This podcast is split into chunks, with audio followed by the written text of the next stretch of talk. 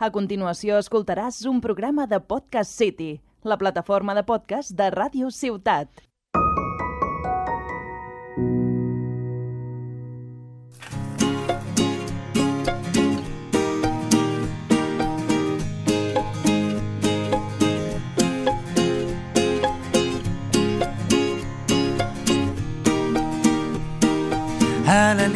Veure és creure, però algunes vegades les coses més reals en el món són les coses que no podem veure. Frase de la pel·lícula Polar Express. No parem de sentir que el Nadal d'enguany serà diferent. Però què implica ser diferent? Ser diferent vol dir que serà més negatiu, més trist, més estressant? Podríem pensar que segurament el teu Nadal és diferent al meu i que hi ha tants tipus de Nadals com persones al món. Però no podem negar que es tracta d'un moment històric i que potser aquest Nadal el valorarem d'una forma completament diferent als Nadals passats. Al febrer d'aquest 2020 vam engegar aquest podcast amb l'objectiu de parlar-vos sobre la importància de cuidar la salut mental. I en l'últim episodi de l'any volem rescatar el títol del nostre primer podcast i adaptar-lo a aquest moment concret. Volem parlar de què pot fer la psicologia per tu aquest Nadal. Per fer-ho ens acompanya Lluís Heredia. Ell és doctor en psicologia, professor de la Universitat Rovira i Virgili i especialista en l'aplicació de mindfulness en psicoteràpia. També president de l'associació Introment. Benvingut, Lluís. Hola, bon dia a tothom. Si et sembla, Lluís, podem començar per... Eh, no sé si ens pots explicar per què creus que és tan important o tan especial el Nadal per les persones. Buf, bueno, és, és una pregunta complicada perquè, clar, hi ha tant, tantes persones, no? tantes perspe perspectives diferents que segurament la, la, la resposta es quedarà una mica a mitges, no? Però, bueno, eh, a nivell general sí que podríem dir que no només el Nadal, bueno, el Nadal pel, pel, pels valors que hi ha una mica associats amb ell, no? Amb, amb aquesta festivitat en concret, però en, en general aquestes festes eh, són festes molt ritualístiques en, en, en el sentit de que te, trenquen el temps, no? D'alguna manera el, el nostre, la nostra percepció del temps és monòtona, no? és rutinària. Nosaltres vivim la major part del temps en, en, en, en una rutina, no? en un fer, no? d'una determinada manera. Les festes tenen aquesta cosa especial de trencar aquesta rutina, no? ens transporten amb una altra forma diferent de viure el temps. No? Llavors, eh, hi ha moltes coses que al llarg de l'any nosaltres no podem, no podem gaudir, no podem practicar, no podem eh, d'alguna manera experimentar, i eh, aquest, aquestes dates ens permeten fer un stop, no? fer com un, un trenquem d'alguna manera la rutina, la monotonia i ens donen espai per experimentar coses que són importants per nosaltres mateixos. De fet, si totes aquestes parades s'han mantingut al llarg dels segles és perquè ens permeten prendre consciència de parts de nosaltres o ens permeten eh, tenir experiències que són realment importants per a nosaltres com a persones. No? Llavors jo penso que, que realment hi ha aquesta part. Clar, eh, que això estigui relacionat amb uns valors concrets o no, eh, això ja depèn de la vivència especial de cada persona, però jo podria dir que en, en general sí que diria que que totes les persones tenen una oportunitat de fer d'una manera diferent i que això representa eh, una oportunitat per la persona i, i també una descàrrega no? d'aquesta rutina i, i a vegades eh, eh, eh, pressió no? que ens posa el dia a dia en, en, en una experiència vital que jo diria que, és, so, que està sobreprogramada, és a dir, no? que d'alguna manera no, no, no disposem del nostre temps com, com voldrien. I llavors, com pot la psicologia ajudar-nos a trobar-li un sentit no? a, a aquest temps lliure, a aquest Nadal, en aquest moment tan especial? Bueno, depenent de la perspectiva, no? Si, eh, jo sempre dic que, que també s'ha donat per fet no? que el, el Nadal serà eh, com diguem-ho així, trist o diferent o que tindrà un impacte molt gran en, en totes les persones i clar, hem de tenir en compte molts factors. No?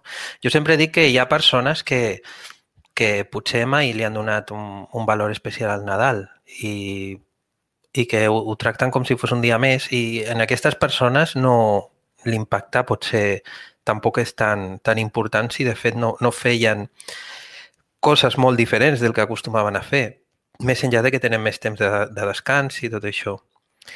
Però sí és veritat que hi ha un altre col·lectiu de persones que jo penso que sí que és majoritari, que, que té marcat aquestes dates en vermell al calendari i, i està associat amb, amb una sèrie d'activitats molt, molt concretes que, que, que es fan en aquestes dates. No? Poder, per exemple, eh, retrobar a familiars no? que estan lluny, eh, poder gaudir de la companyia dels éssers estimats, poder, poder aprofitar el temps per fer relació social. Penseu que nosaltres necessitem molt el reforç social, no? necessitem estar a prop, sentir a prop a les persones que estimem.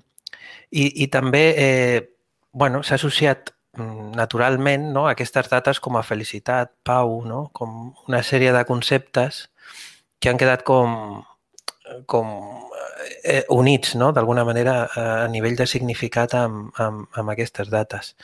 Clar, eh, què passa? que aquest Nadal eh, hi ha moltes d'aquestes coses que no es podran fer, és evident, no? Sí. Eh, no tindrem el reforç social, eh, no tindrem els éssers estimats potser al costat, eh, pitjor encara, podem haver perdut algun ésser estimat, eh, durant la pandèmia, el que encara mm, situa la, posa la situació una mica més, molt, no una mica, molt més complicada. I clar, jo entenc que aqu aquesta gent, des d'aquesta perspectiva, doncs, està molt preocupada eh, per, què, per què fer, no? Què, què, què podem fer en aquesta situació?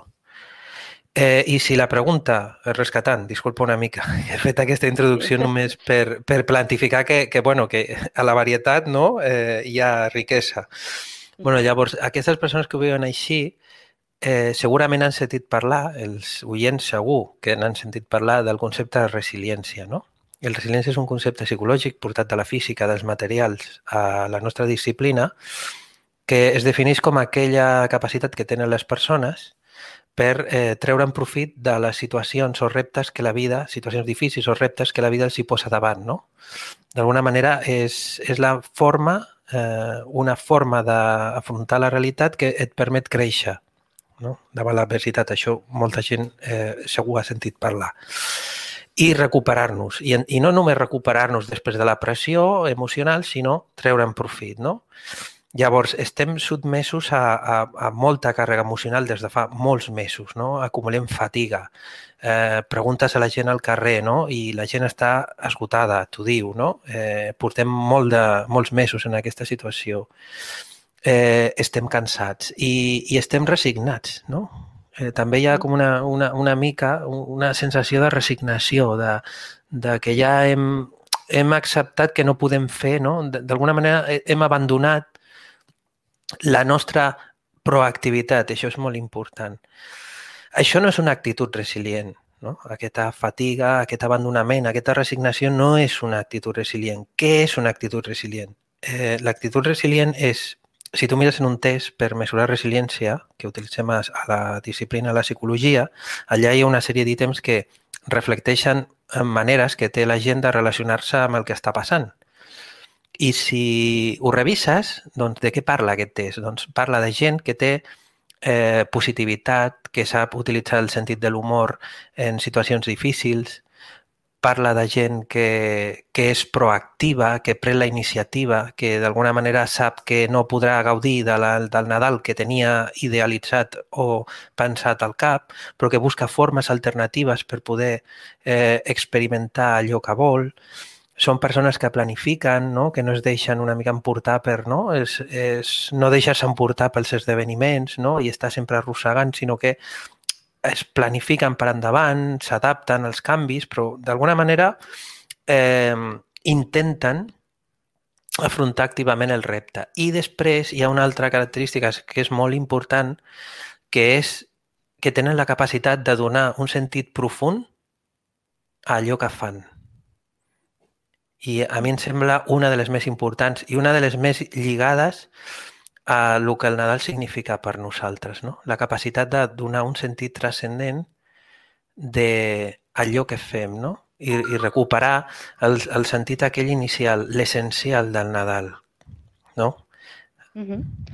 Per tant, Lluís, eh, cal treballar la positivitat, la positivitat, el sentit de l'humor, la proactivitat, la planificació, adaptar-nos no? adaptar bé als canvis i tenir un sentit profund. Val.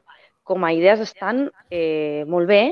No sé si per acabar, centrar-nos potser amb la gent que creu que pot viure aquest Nadal de forma trista, de forma estressant, no? aquesta gent que potser no està en aquest punt tan resilient, eh, tu tens algunes idees, alguns tips perquè aquesta gent pugui adaptar-se a aquest Nadal de la millor forma possible?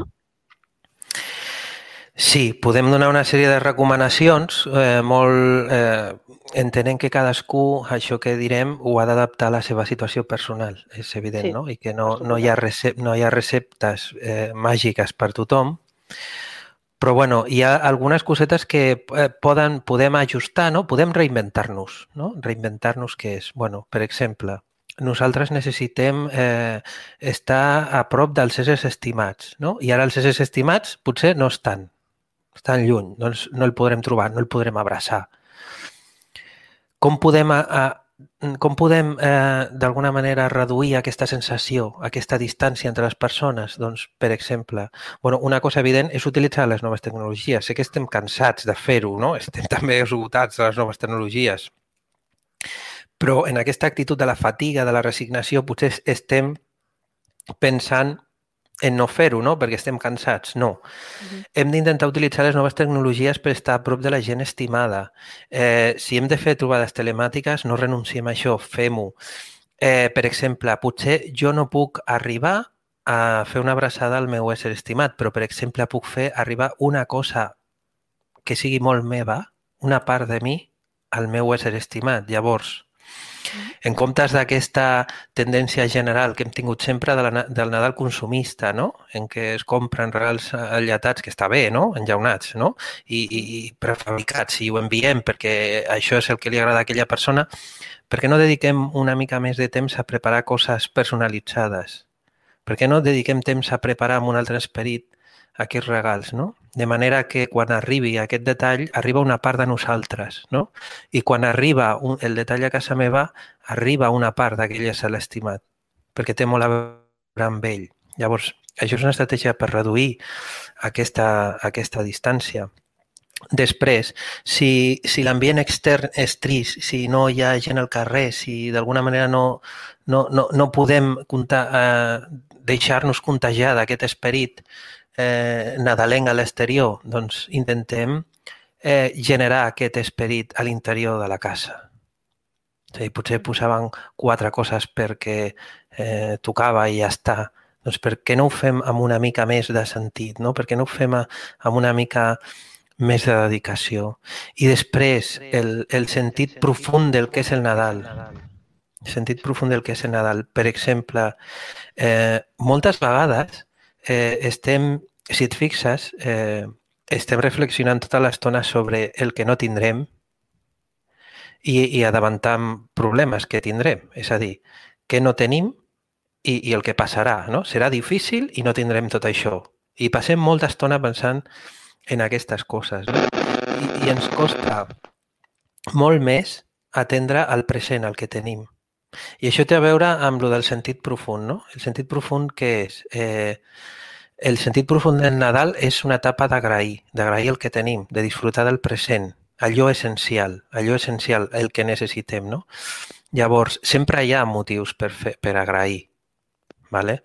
Sempre hi ha motius per agrair eh, doncs, que tinc els éssers estimats, per exemple, si és el cas, que estan vius i estan allà i puc parlar amb ells i això ho puc agrair Puc agrair que tinc, si em porto bé la meva família, tinc bona relació, que tinc la família.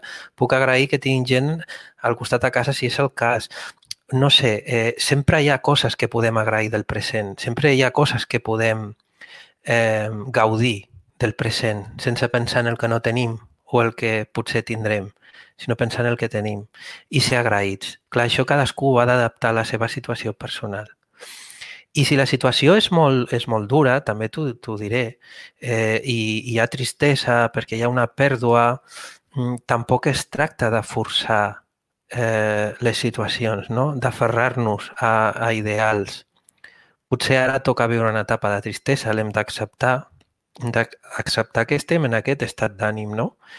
I a vegades establir una lluita no, a ultrança amb una imatge idealitzada del que ha de ser aquestes festes, al final el que acaben fent és produir-nos més malestar, més patiment a les persones.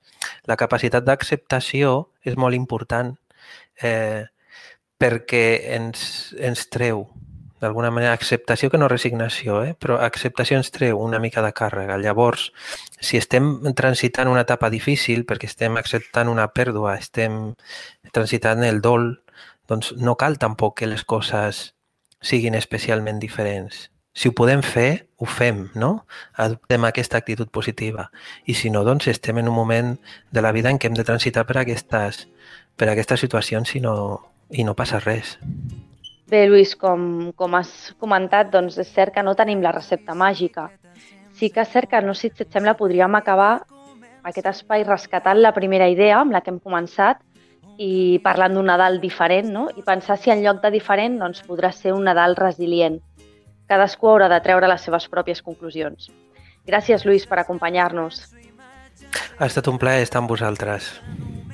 I gràcies a tu per escoltar-nos un dia més. Et desitgem que puguis gaudir de la millor forma possible aquests dies i ens tornem a sentir el 2021 en un nou episodi de La Finestra de la Psicologia, el podcast de la Delegació Territorial de Tarragona del Col·legi Oficial de Psicologia de Catalunya. Més digues que penses lluny de.